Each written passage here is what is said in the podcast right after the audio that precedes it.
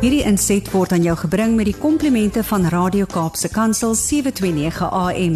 Besoek ons gerus by www.cape pulpit.co.za.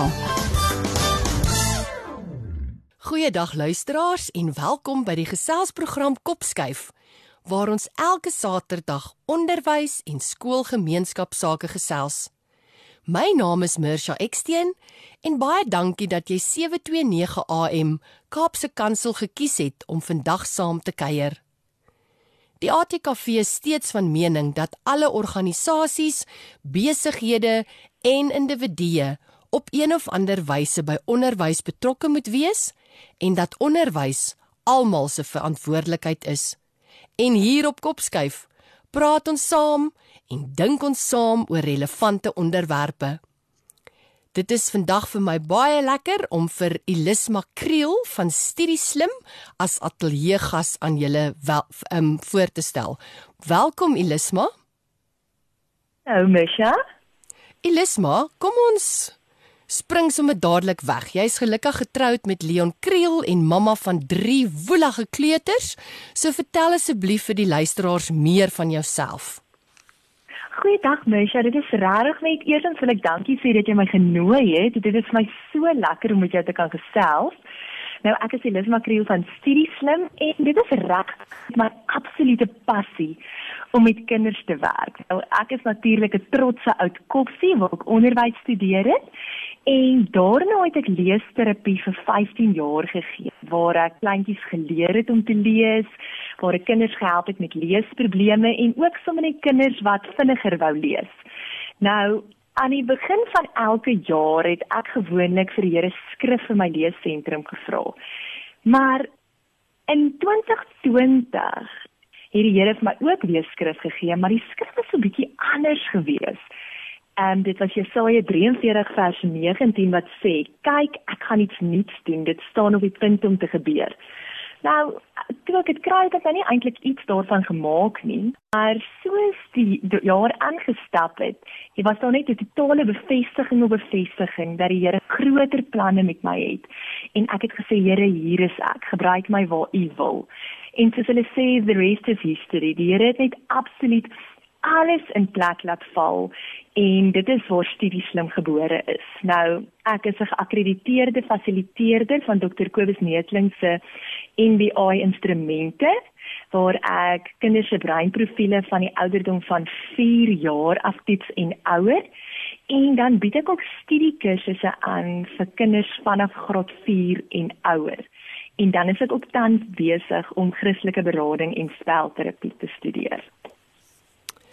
Elisma, elke mens is uniek geskape en dis wonderlik om te hoor hoe gehoorsame instrument jy is en ek dink jy's in 'n baie bevoordeelde posisie waar jy mense kan help om hulle denkvoorkeure te kan ontdek. Ja, dit is my regtig net so lekker om onderwysers en ouers te kan help want dit is regtig net so belangrik om jou eie maar ook sowel as jou kind se profiel te verstaan. Nou, jou breinvoorkeure bepaal onder andere hoe jy besluite gaan neem, hoe jy gaan kommunikeer en ook hoe jy kinders gaan opvoed. Nou, om insig te kry in jou en jou kind se breinvoorkeur, lei ook tot beter begrip van verskille tussen julle en ook verdraagsaamheid. Nou, Eerstens, die NBI profiel meet denkvoorkeure en nie vaardighede of vermoëns nie. So aangesien die fokus op voorkeure is, is dit so belangrik om daarop te let dat daar nie 'n slegte of 'n verkeerde profiel is nie. Die NBI studente profiel is 'n beskrywende en ook 'n onbevooroordeelde ontleding van jou kind se voorkeure dan en die verslag gee dan 'n beskrywing van 'n individu se denkvoorkeure en dan doen ons aanbevelings wat daarop gebaseer is.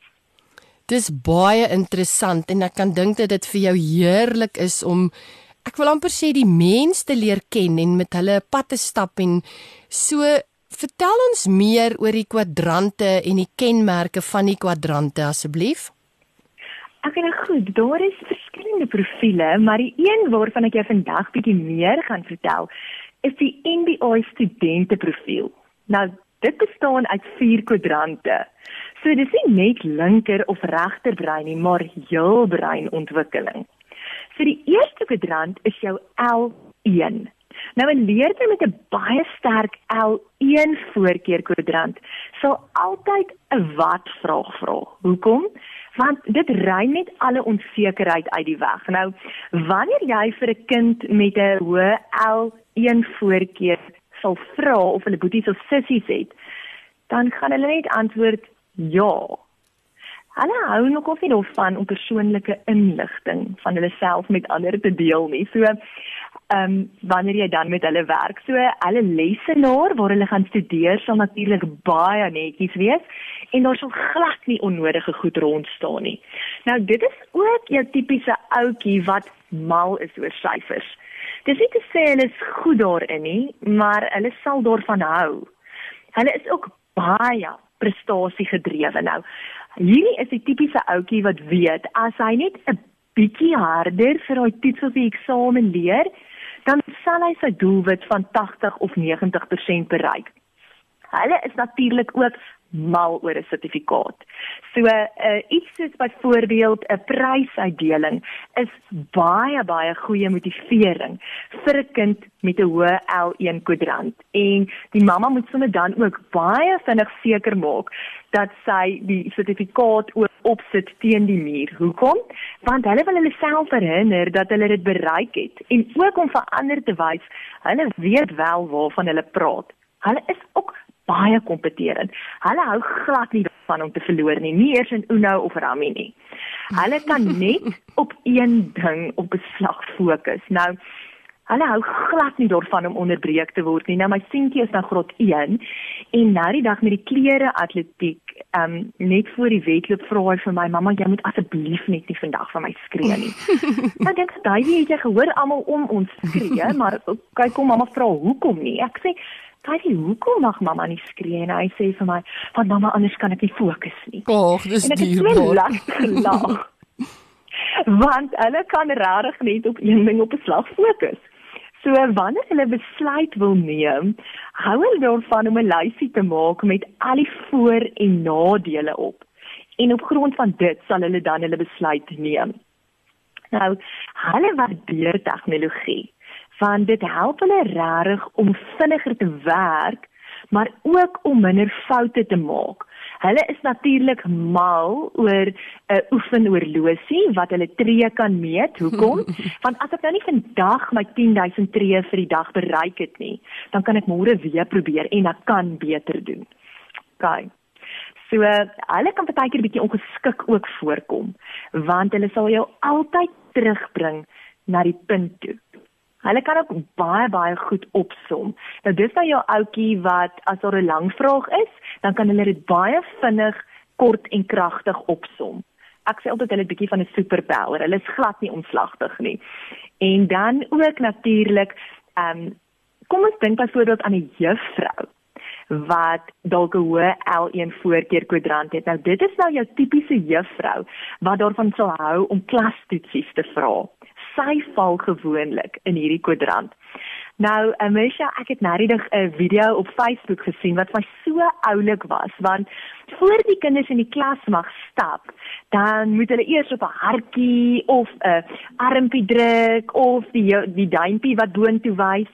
En dan is dit die manier hoe hulle gegroet wil word deur die juffrou. Mm -hmm, en sy groet hulle dan so voor hulle in die klas mag instap. En dit was net vir my so oulike manier gewees van jou breinontwikkeling. Mm. Want as jy dalk 'n juffrou is met 'n baie hoë L1 voorkeur kwadrant en jy gee net die heeltyd op dieselfde manier klas, dan gaan jy dalk 70% van die res van die klas nie bereik nie. Mm. OK.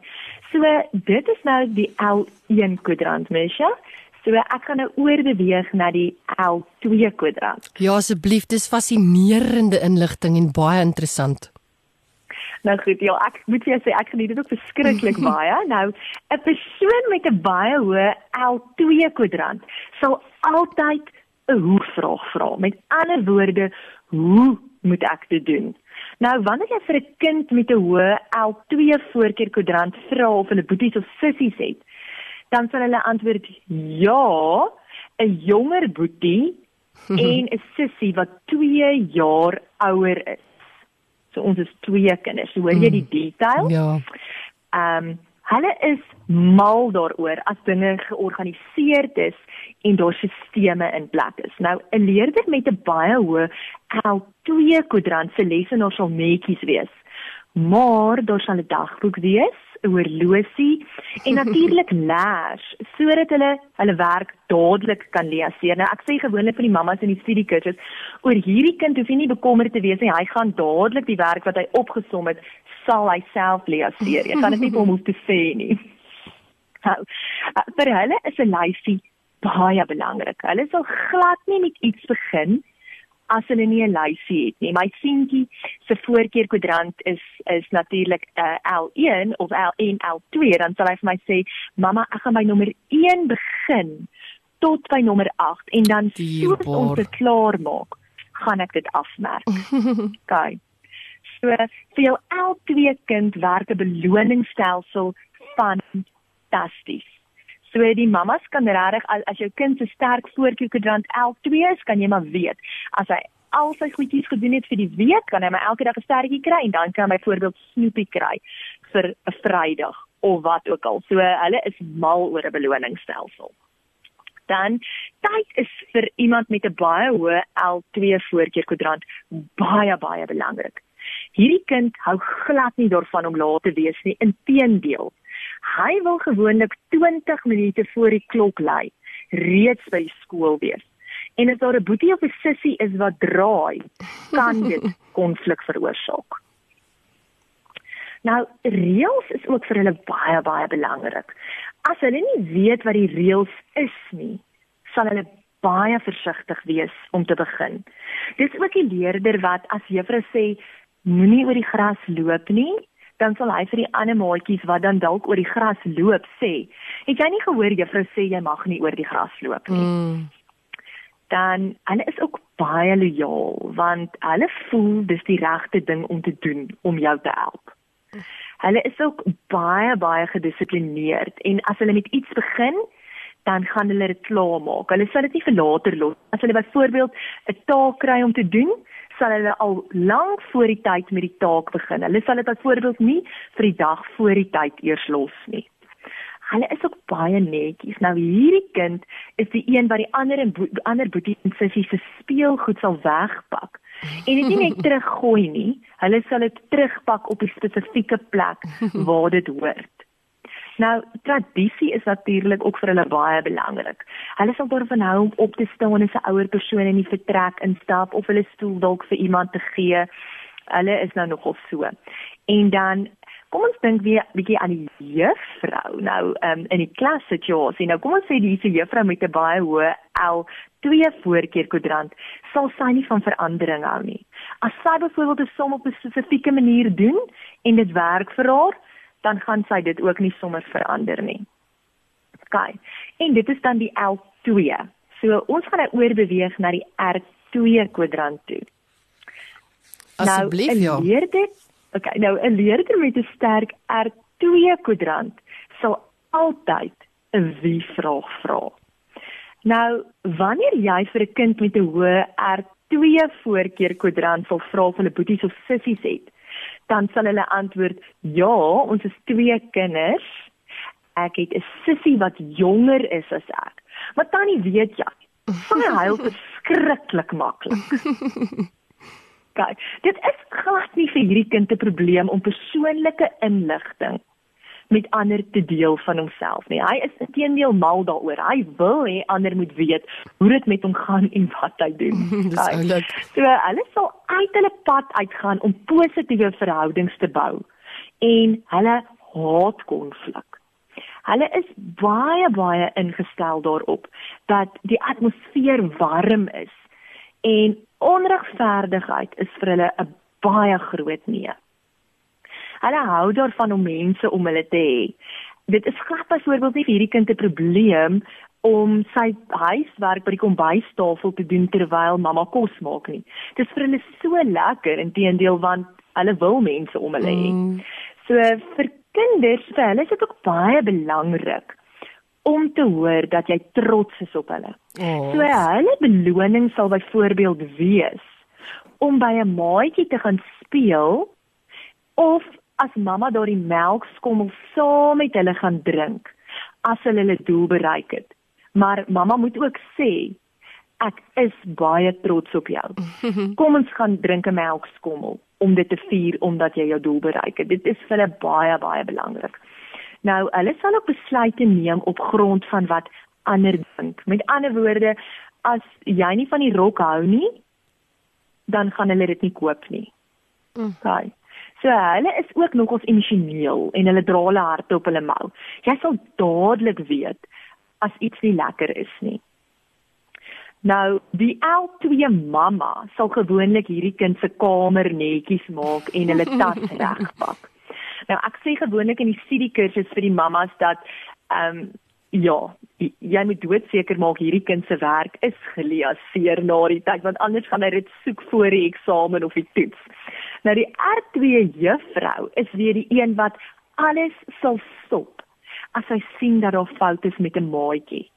Sy sal stop en sê sê eers vir juffrou wat is fout. Juffrou sien daar's fout vandag. Vertel my, wat kan ek doen? Kan ek jou help? Kan ek vir jou water gee? So hulle gaan regtig uit hulle pad uit om positiewe verhoudings te bou. Dan ons laaste kwadrant is die R1. Nou hulle sal altyd 'n hoekom vraag vra. Nou wanneer jy vir 'n R1 kind vra of hulle boeties of sissies het, dan sal hulle antwoord net wees, mm, ek dink ek het nog vanoggend gehad. Hulle sal altyd 'n snaakse antwoord gee. En dan 'n detail is glad nie vir hulle belangrik nie. Nou jy kan byvoorbeeld nie vir 'n R1 kind net 'n gewone antwoord gee nie. Wanneer jy vir hom as hy vir jou vra hoekom hy moet wiskunde doen en jy sê net sommer want jy moet universiteit toe gaan, dan gaan dit nie vir hom goed genoeg wees nie. Jy moet vir hom sê jy moet die wiskunde doen sodat jy eendag 'n ruimtetuig kan bou sodat jy kan maan toe gaan of wat ook al en dan gaan hulle die som vir jou doen. Hulle wil weet hoekom hulle dit moet doen. Hulle raak ook baie gou verveeld en hulle kan hulself nog ons gou in die rede val. Hulle sal byvoorbeeld sê, "Mmm, die koffie is koud." Ooh, ooh, jy gevoel hoe koud is dit buite vandag. hulle val hulle self regtig sommer net in die rede ook.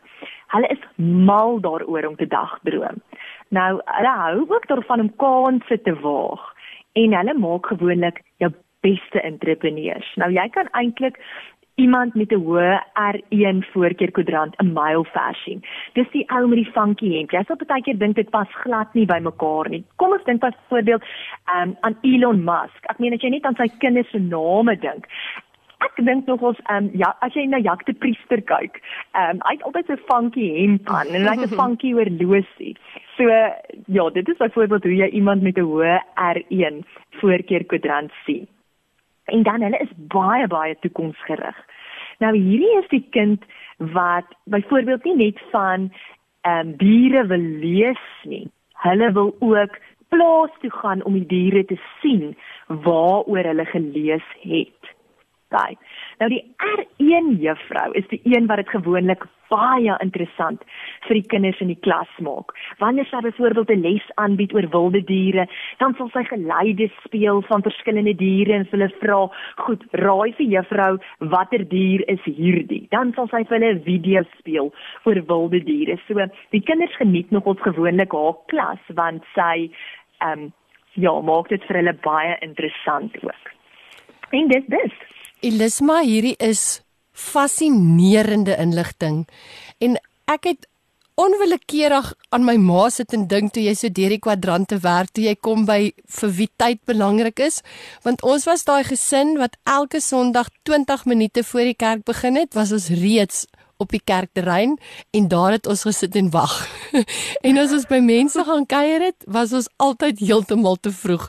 So ek wil nou nie iets uit verband uit ruk en net op een aspek inzoom nie want ek weet mens moet in die geheel na hierdie inligting kyk, maar die inligting wat jy gedeel het is regtig regtig fascinerend. So ek wil vir die luisteraars vra om by ons te bly.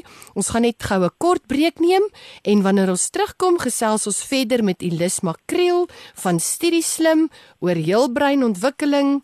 Hoe belangrik is dit om jou ken jou kind te ken en sommer nog oor 'n hele paar ander interessante aspekte. Bly by ons. Ons is nou weer terug luisteraars. U's ingeskakel by 729 AM Kaapse Kansel. Ons gesels vandag met Elisma Kriel van Studieslim.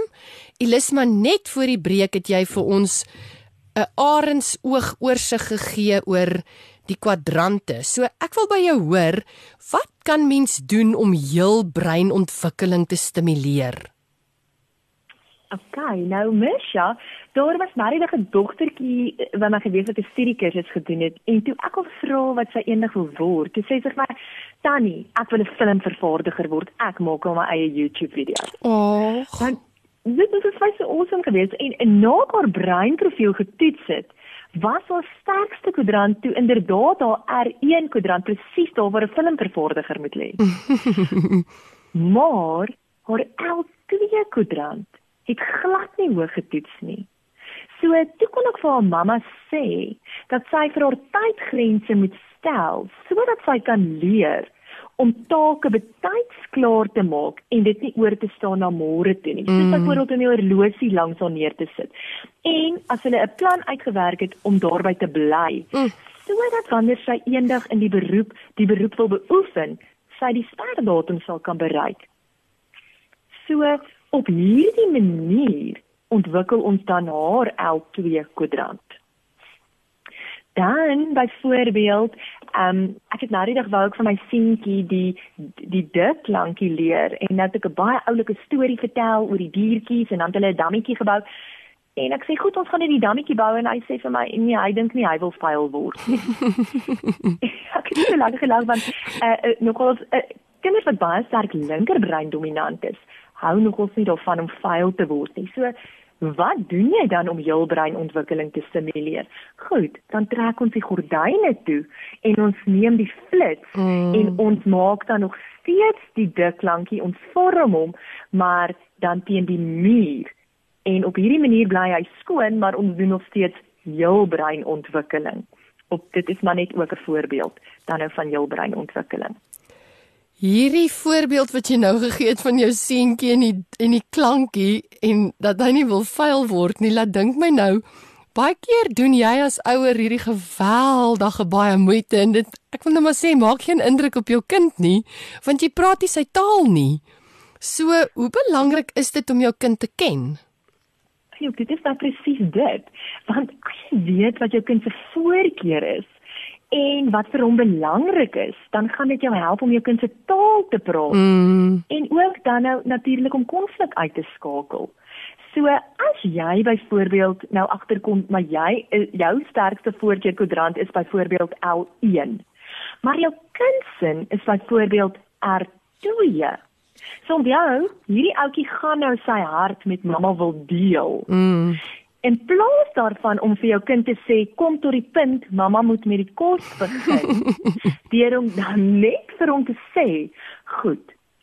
Mamma het 2 minute. Vertel vir mamma wat op jou hart is. Oh. En as die 2 minute verby is, dan kan jy aangaan en kos maak. So met ander woorde, jou R2 kind kon sy hart gedeel het en hy het gevoel jy het hom gehoor. Ook byvoorbeeld as jy nou weet jou kind se voorkeur kwadrant is L2 en jy besef nou dis hoekom tyd vir hom belangrik is, gaan jy sorg dat jy betyds is. Of as jy nie betyds kan wees nie, dalk met iemand reël om jou te help. En op so 'n manier gaan jy dan nou konflik voorkom en ook jou kind se taal praat. Sjoe, dit is dit is so waardevolle inligting hierdie en baie dankie ook vir die hartsomgee manier waarop jy dit kommunikeer. Dis regtig fascinerend en lekker om na jou te luister. So Elisma, ek wil die stelling maak om te sê dat elke kind op verskillende metodes leer, want ek dink in jou hele gesprek kom dit elke keer uit en dis daai absolute wonderlike uniekheid wat deur wat deurgangs op uit uit styg wil ek nou sê. So, hoe spreek die studiekursus hierdie behoefte aan? Okay, nou die studiekursus neem elke kind se individuele leerstyl in ag. Die eerste kind se leerstyl te identifiseer. Nou dit kan een van 3 van die volgende leerstyle wees, soos of visueel of auditief of dan ek kinesteties. Maar mens dit is baie belangrik om te onthou dat alhoewel elke kind oor 'n spesifieke leerstyl beskik, die kind in die klaskamer wel aan al drie blootgestel kan word of gaan word en dis ook die ander leerstyle wat dalk nie hulle sterkpunt is nie. Mm. Okay, so dis goed om dit te weet.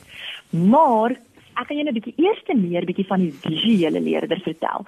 Nou, 'n kind wat byvoorbeeld 'n visuele leerder is, moet gewoonlik in die middel of voor in die klas sit, daar waar hulle duidelik kan sien. OK. En dan hulle vind natuurlik baat deur middel om van deur prente te leer, plakkate, modelle, DVD's.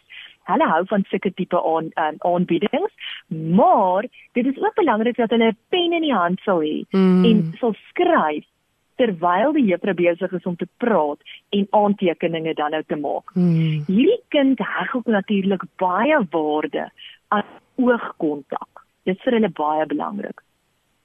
Dan kry ons jou auditiewe leerders. Nou, hulle moet gewoonlik in die middel van die klas sit.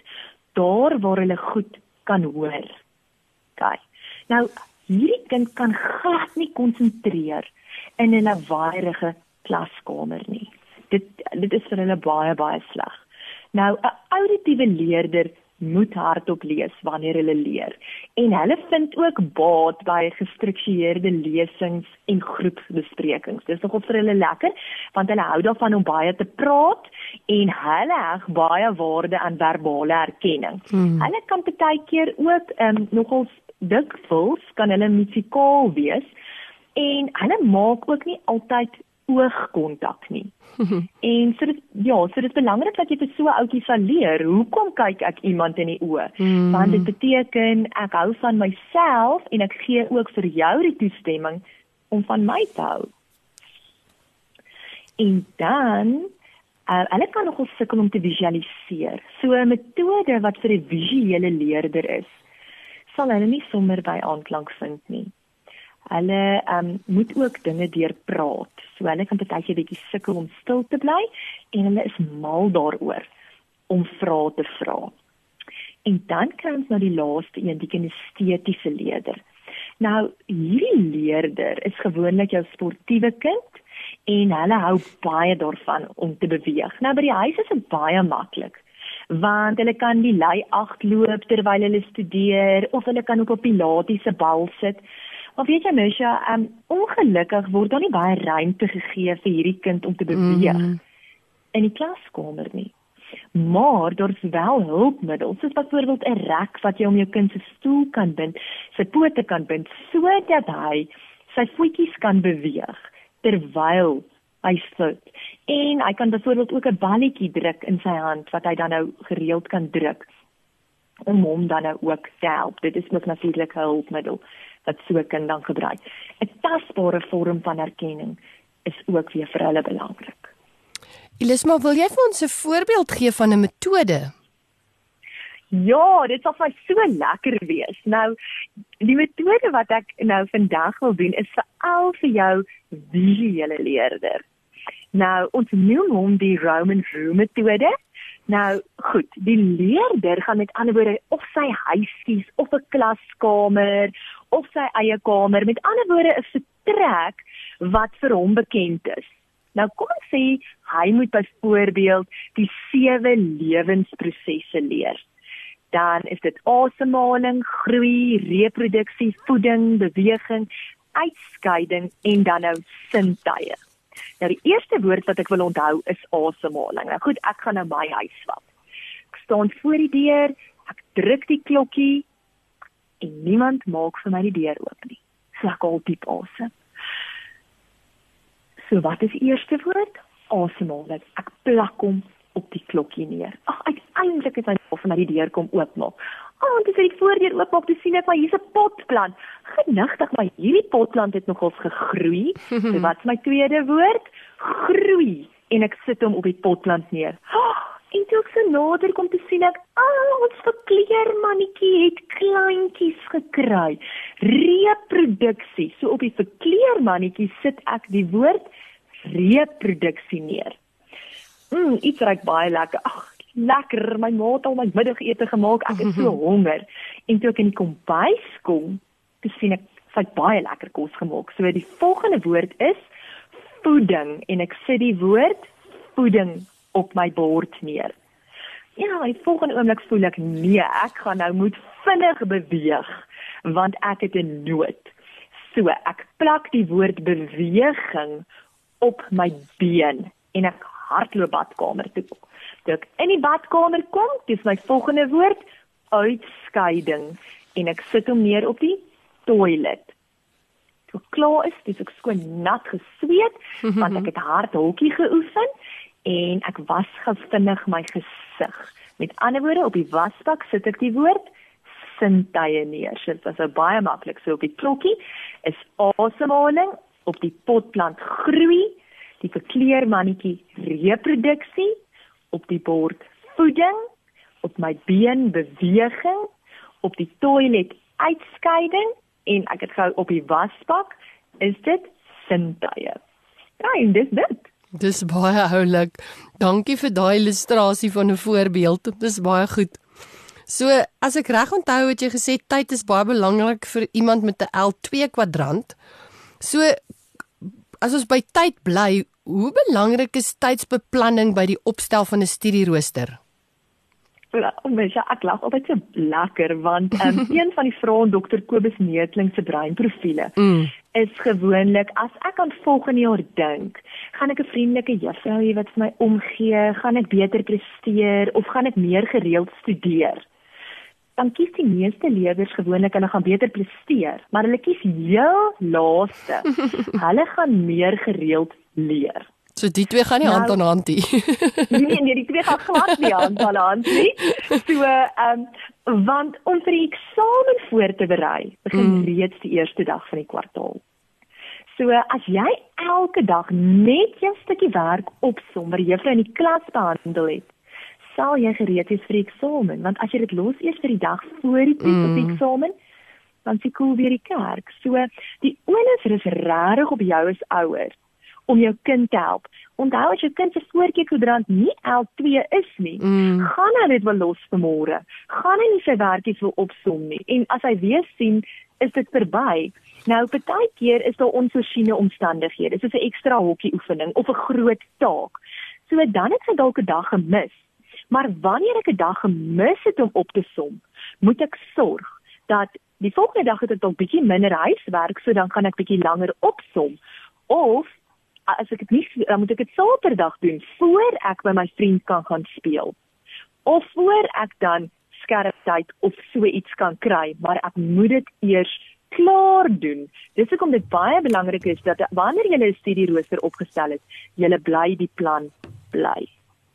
Sjoe, dit is regtig interessant want ek kan nou sien hoe hoeveel chaos kan daar nou uitbreek as daai mamma nou hier onder in die kwadrant lê wat nie hou van konflik nie. en jy het nou hierdie leerder wat nie beplan nie en nou sit die aand voor die tyd en almal is gestres. So ja, die opstel van doelwitte is seker die volgende aspek wat aandag moet geniet. Okay, ja, nou wat baie belangrik is, ek dink 'n kind moet net eers altyd verstaan wat is 'n doelwit. Ja. Nou vir jou al een ouetjie kom dit natuurlik. Hy wil sy doel bereik. Maar ehm um, iemand wat byvoorbeeld R1, R2 is, gaan 'n bietjie meer rustiger wees. So, mm. gou ek my voorbeeld is gewoonlik, ah, wanneer sokkerspelers 'n wedstryd speel, is hulle doel om 'n doel om te teken. Mm. En dit is dieselfde wanneer jy eksamens skryf. So wat 'n ouer moet doen is aan die begin van elke kwartaal gaan jy met jou kind sit en julle rapport. En dan gaan jy 'n doelwit stel wat haalbaar is. As jy kind 50% gekry het, dan maak ons dit 60%. Ons maak dit nie 80% nie. Jy moet spesifiek wees mm. wanneer jy 'n doelwit opstel. En maak dit ook, maak 'n spesiale dag daarvan. Wees kreatief, maak 'n kleurvolle plakkaat en plak dit iewers waar jy dit elke dag kan sien sodat jou kind kan weet dis iets waarna toe ek werk. So nou kom die liewe groot eksamen nader. En ek dink dit is baie keer vir die ouers meer stresvol as vir die kind self, maar is daar raad of is daar iets wat jy wil uitsonder as 'n aspek wat belangrik is wanneer 'n kind eksamen skryf? Ja, ek dink hierdie is nog ons baie keer bietjie moeilik want kinders is mal oor suiker. Maar mm. om gesond te eet en om suiker te vermy is 'n baie groot een want die rede hiervoor is suiker is 'n baie hoë glikemie het 'n baie hoë glikemiese indeks.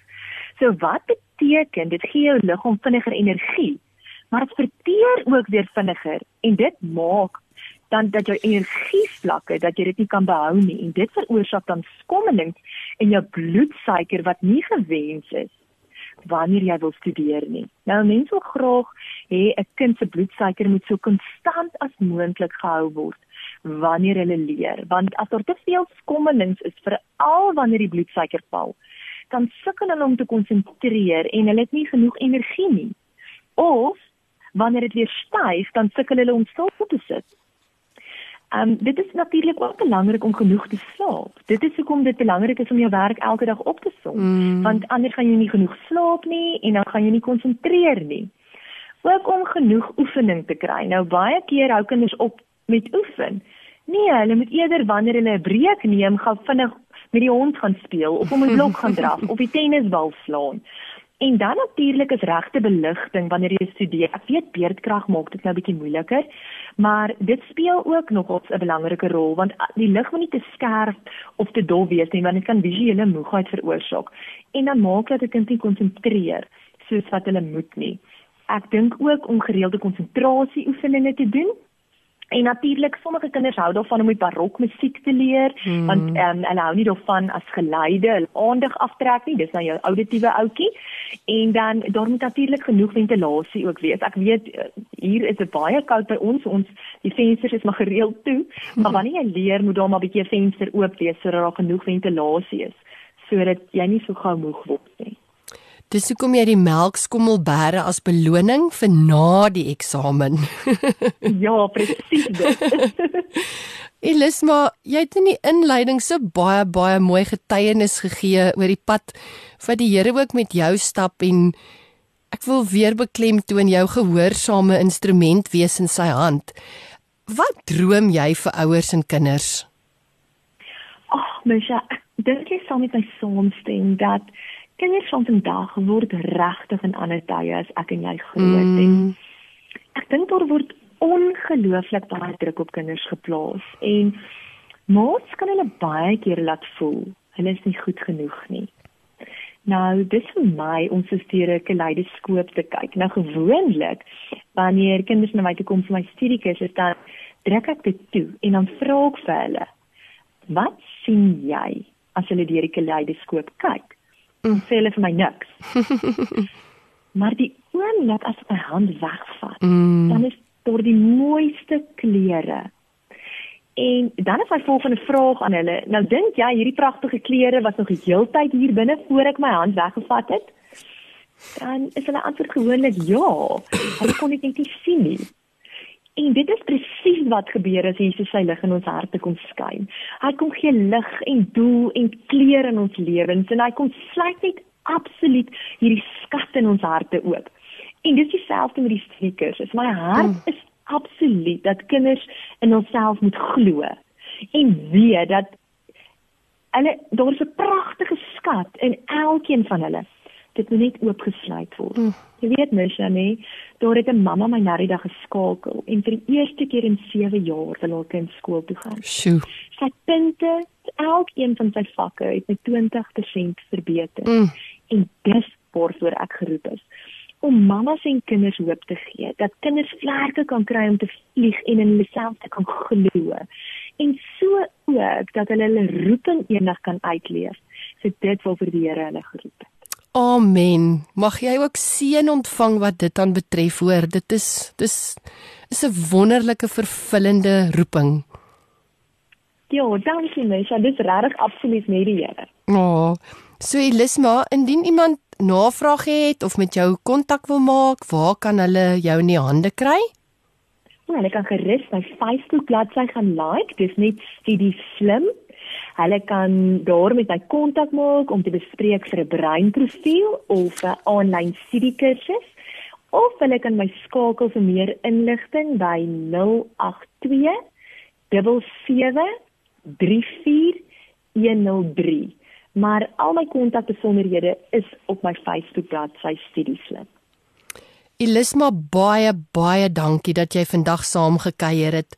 Ek dink hierdie was 'n heerlike word stil, neem in, dink aan jou kind, dink aan geleenthede, sien raak, besef die uniekheid en daai kaleidoskoop se kleure wat so ontvou. Dit is so mooi gestel en namens myself en die luisteraars wens ons jou alle voorspoed toe.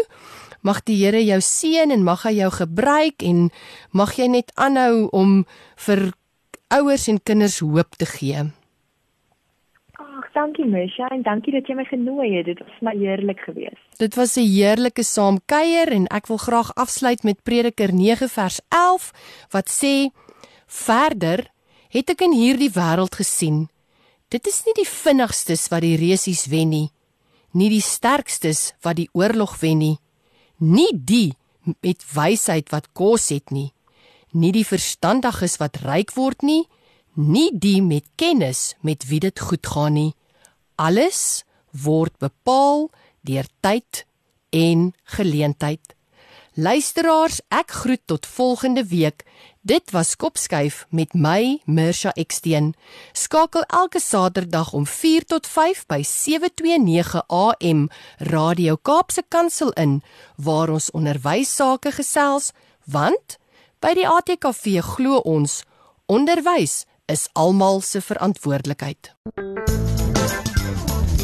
Hierdie inset was aan jou gebring met die komplimente van Radio Kaapse Kansel 729 AM. Besoek ons gerus by www.cape pulpit.co.za.